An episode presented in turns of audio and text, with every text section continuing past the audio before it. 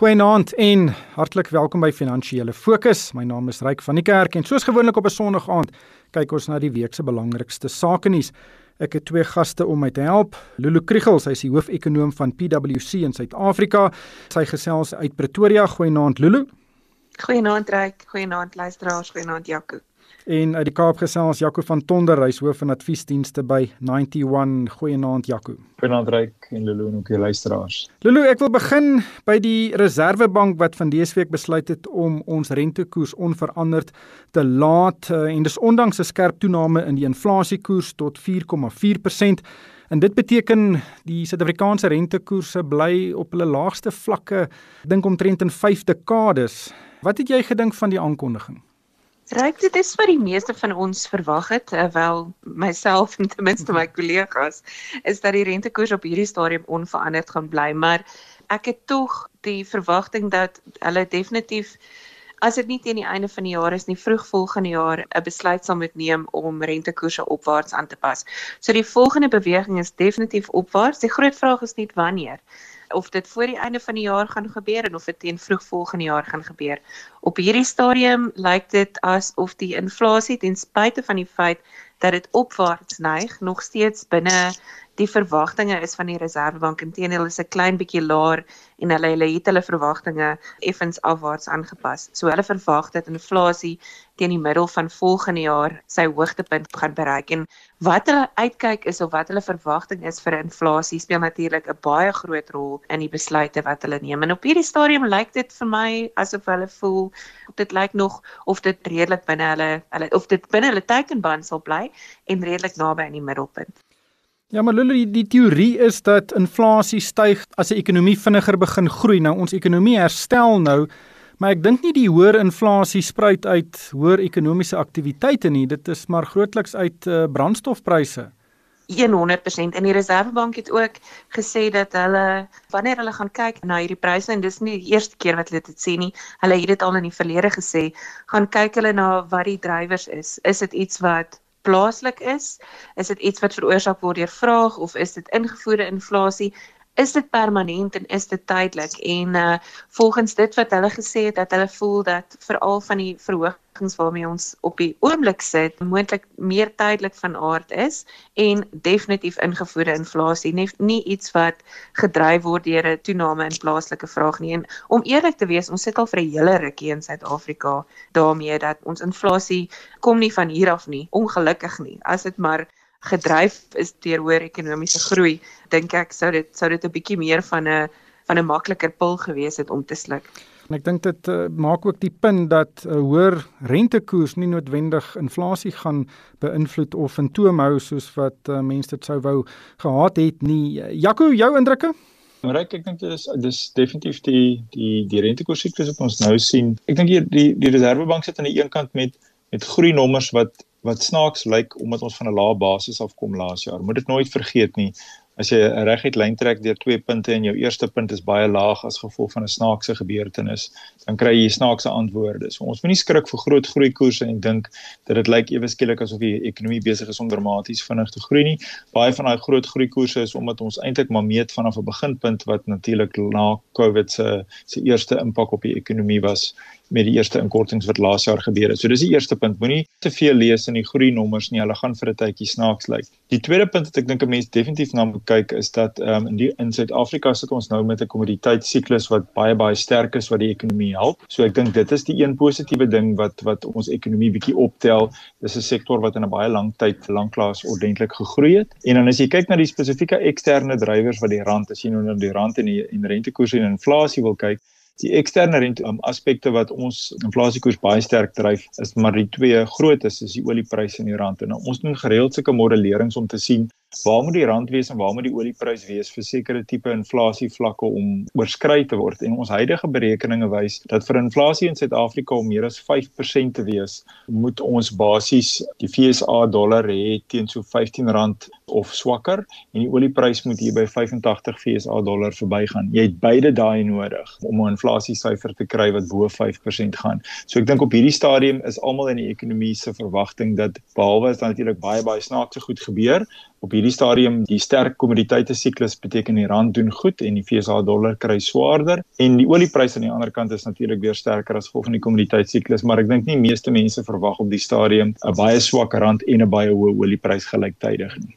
Lulu Elke keer as ons gesels oor die rentekoers wat tans natuurlik nou op eh, 'n uh, baie lae vlak is, Dan is daar pensionaarsse wat kla dat hulle nie eintlik die rente kry wat hulle in die verlede gekry het nie. Hulle sukkel om te oorleef. Maar natuurlik is dit nou 'n 'n hele beleggingsgesprek op sy eie.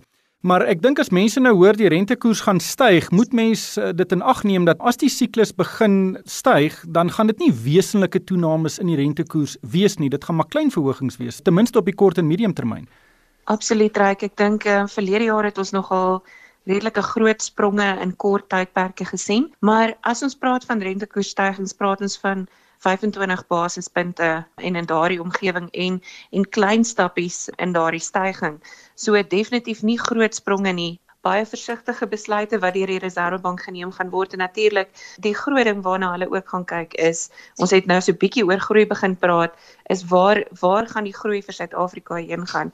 En hulle het hulle hulle groei vooruitskattinge aangepas wat goeie nuus is van 3% na ek dink 4.2 as ek reg onthou maar selfs teen teen daardie 4.2% dit wat Jaco nou gesê het is 100% waar. As ons kyk na hoe groot die skok was vir die ekonomie verlede jaar en waar ons selfs voor dit was, praat ons van 2 tot 3 jaar vooruitsette op dieselfde vlakke as 2019 is. En uh dit was nog steeds nie of dit was beslis nie op 'n goeie plek gewees nie. Natuurlik werkloosheid is heeltemal 'n ander storie waarby ons seker bietjie later sal uitkom. As ek reg onthou het die rentekoers verlede jaar met 3 persentasiepunte gedaal. So 2 kwart persentasiepunte verhogings teen die einde van hierdie jaar en vroeg volgende jaar is eintlik maar 'n 'n baie karige toename in daardie konteks. Maar Jaco, ek sal graag wil hoor hoe jy voorsien die traject van rentekoersverhogings kan lyk. Ryk ek ek dink ons moet aanvaar dat dit is baie onwaarskynlik dat rentekoerse skerp gaan styg.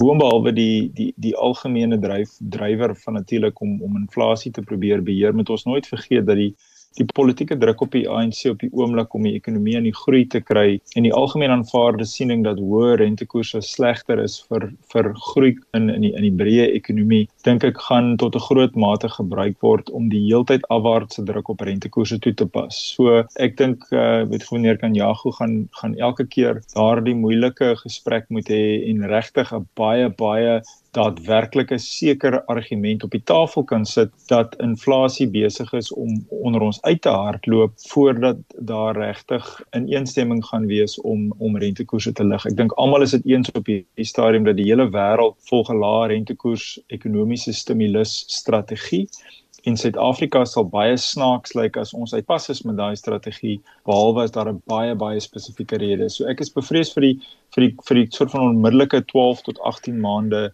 praat ons as ons praat van rentekoersverhogings van van klein verhogings en nie van die tipe verhogings wat ons sal terugkry waar ons was 2 jaar gelede nie. En die impak op die ekonomie is sigbaar. Ons sien reeds regtig 'n toename in ekonomiese aktiwiteit in die eiendomssektor, Lulu, ook die konstruksiesektor en ook in die kleinhandelsektor en en dit kan 'n mens direk toeskryf aan lae rentekoerse. Ryk, dis goeie nuus dat ons definitief in sekere dele van die ekonomie verbeterde aktiwiteit sien. En uh, ek dit, dit hang natuurlik af wie die wie die sommetjies maak, maar die skatting is dat die verlaagde rentekoerse wat ons nou sien, jy weet so wat tussen 1 en 1.5 persentasiepunte by die ekonomiese groei is en 'n positiewe stimulus is. En dit veral in 'n omgewing waaruit ons van 'n fiskale perspektief baie baie min het om te doen. Ons is eintlik half gelukkig geweest en ek dink toe ons verlede jaar midde in Covid was, was ons maar dankbaar dat dit ons en ons is nog steeds eintlik, maar toe die die hele bom gebars het. Toe was ons dankbaar dat ons wel die fiskale ruimte gehad het om die besluite te neem wat ons het en en drastiese rentekoersverlagings aan te kondig want monetêre ruimte.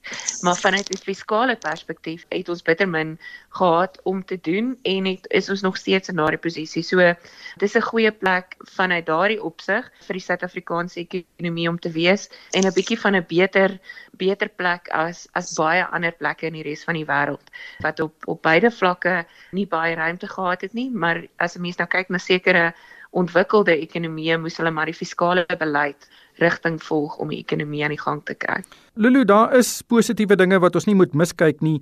Maar ongelukkig staan hierdie positiewe dinge nie in Moody's se jongste jaarverslag nie in hulle hoofstuk oor Suid-Afrika lig hulle baie slegte nuus en bekommernisse oor Suid-Afrika se ekonomie en ons staat se finansies uit. Hulle is bekommerd oor ons fiskale posisie, hulle is bekommerd oor werkloosheid en ook oor Eskom se vermoë om elektrisiteit aan ons ekonomie te lewer. So daar is nog baie groot probleme wat ons in die gesig staar en daar's nie voor die hand liggende oplossings daarvoor nie. Ja, om die waarheid te sê, ons mag dalk wat ekonomiese groei aan betref besig wees om uit hierdie gat uit te klim en jy weet uh, na die boepunte toe te beweeg, maar ons het gekyk en ons het 'n paar sommetjies gemaak rondom werkloosheid spesifiek. En um, as as 'n mens kyk na die werkloosheidskoers en ek praat nou nie van van werksgeleenthede nie dit gaan ons ten minste hopelik 'n bietjie vinniger uh, terugkry. Maar as 'n mens kyk na die werkloosheidskoers as ons aanhou om dinge te doen soos wat ons tot op hierdie stadium doen en uh, jy kyk na die hoeveelheid mense wat jaarliks tot die arbeidsmark toetree gaan ons binne 10 jaar selfs nie by 'n plek uitkom waar ons werkloosheidskoers daadwerklik begin verminder van waar dit nou is nie. Ons gaan nog steeds praat van werkloosheid hier in die hoë uh, 20% naby aan die 30%. So en en dit is een van die dinge wat Moody's uitgelig het is om te sê dat die oneweredige verspreiding van inkomste en werkloosheid werklik in Suid-Afrika vir ons sosiale en ekonomiese probleme kan veroorsaak as ons dit nie aanspreek nie en as ons nie werklik die manier waarop ons dinge doen en uh, waarop die regering beleid implementeer verander nie en uh, ja ek ek kan op hierdie stadium ongelukkig nie fout vind met hulle redenasie rondom dit nie. Ja, kom ons kyk 'n bietjie na koöperatiewe nuus en ek dink die groot storie van die week was uh, die biergroep Heineken wat uh, bekend gemaak het dat hulle 'n groot deel van Destel of die hele Destel wil koop. Nou Destel is een van ons ikoniese drankmaatskappye in Suid-Afrika. Dit besit verskeie bekende handelsname, Klipdrif, Nederburg uh, en dis meer Amarula is nog eene. Wat het jy van die aankondiging gedink of uh, wat dink jy van die vooruitsigte vir so 'n transaksie?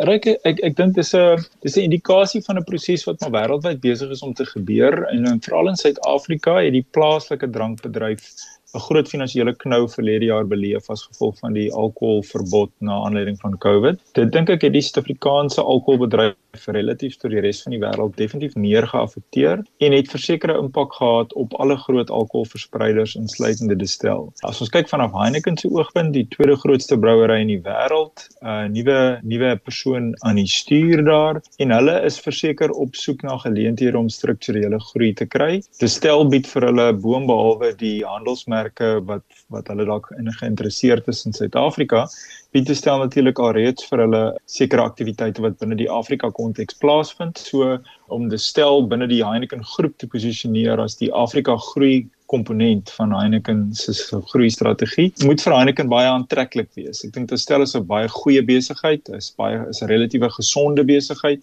en ek dink dat uh, die twee groot sleutel aandeelhouers daar wat maar die publieke beleggingskoöperasie die PIC is en ook Remgrow gaan verseker nie die besigheid goedkoop verkoop nie.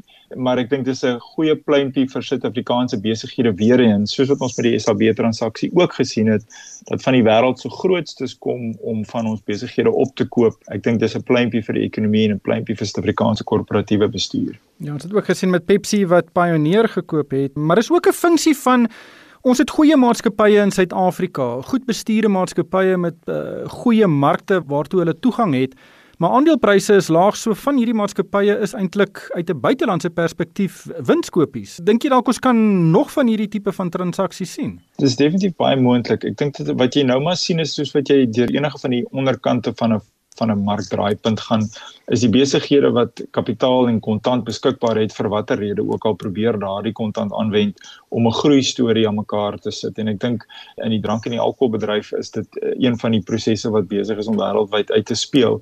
En jy moet deesdae as jy 'n groot internasionale gelyste speler is in hierdie aan hierdie area kan jy nie bekostig om nie 'n Afrika groei komponent tot jou tot jou storie te hê nie. So ek dink enige Suid-Afrikaanse besigheid wat wat sterk Afrika komponente het onderliggend moet onmiddellik op die radar wees van groot internasionale besighede. Dis voel amper 'n bietjie vreemd want mense is nogal nostalgies op van daardie handelsname. Dis reg Suid-Afrikaanse handelsname Mens kan eintlik vra hoekom kom Heineken nie na Suid-Afrika toe en bou hulle eie fabrieke en handelsname nie. Los ons eie goed uit. En uh, maar aan die ander kant is dit het ons hierdie beleggingsbrood nodig Dan net Jaco, ek bly sommer by jou.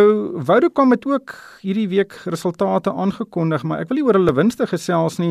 Ek wil gesels oor hulle gaan binnekort 'n baie hulle noem dit 'n super toepassing in Suid-Afrika bekendstel en dit sal 'n hele reeks finansiële dienste opsies vir hulle kliënte gee om basies baie transaksies te kan doen wat hulle tans deur hulle banke doen. Hoe dink jy kan hierdie of so 'n groot toepassing ons mark ontwrig?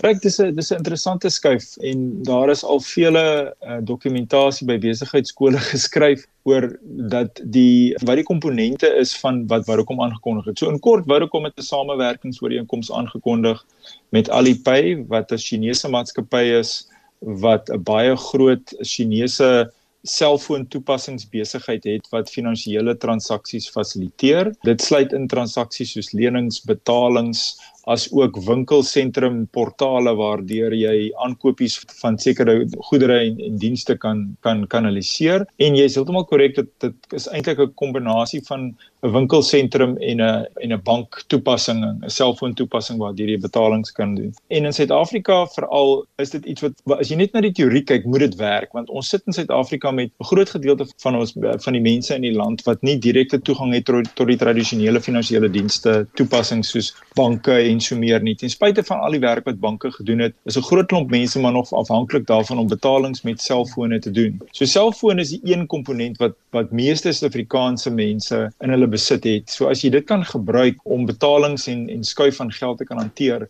is maak dit absoluut besigheidsin. Dis interessant dat ons in Suid-Afrika nog nie regtig van die grond af gekom het daarmee nie. Ten spyte daarvan dat 'n paar maatskappye al een of twee keer probeer het as ons dink byvoorbeeld oor Vodacom se M-Pesa strategie wat eintlik maar 'n kopie is van die betalingsmedium wat baie gewild is in Kenia wat mense kan gebruik om ander mense te betaal deur net 'n selfoon te gebruik. Jy gebruik glad nie die bankstelsels nie. So dit moet sin maak maar in Suid-Afrika het dit nog nie van die grond af gekom nie. Vodacom het besluit dit is tot hier toe en nie verder nie. Hulle gaan dit maak werk 'n vennootskap aangekondig met seker die grootste speler in hierdie area in die wêreld in terme van omset So ek dink almal kyk met met redelike gretigheid om te sien hoe suksesvol dit in Suid-Afrika gaan wees.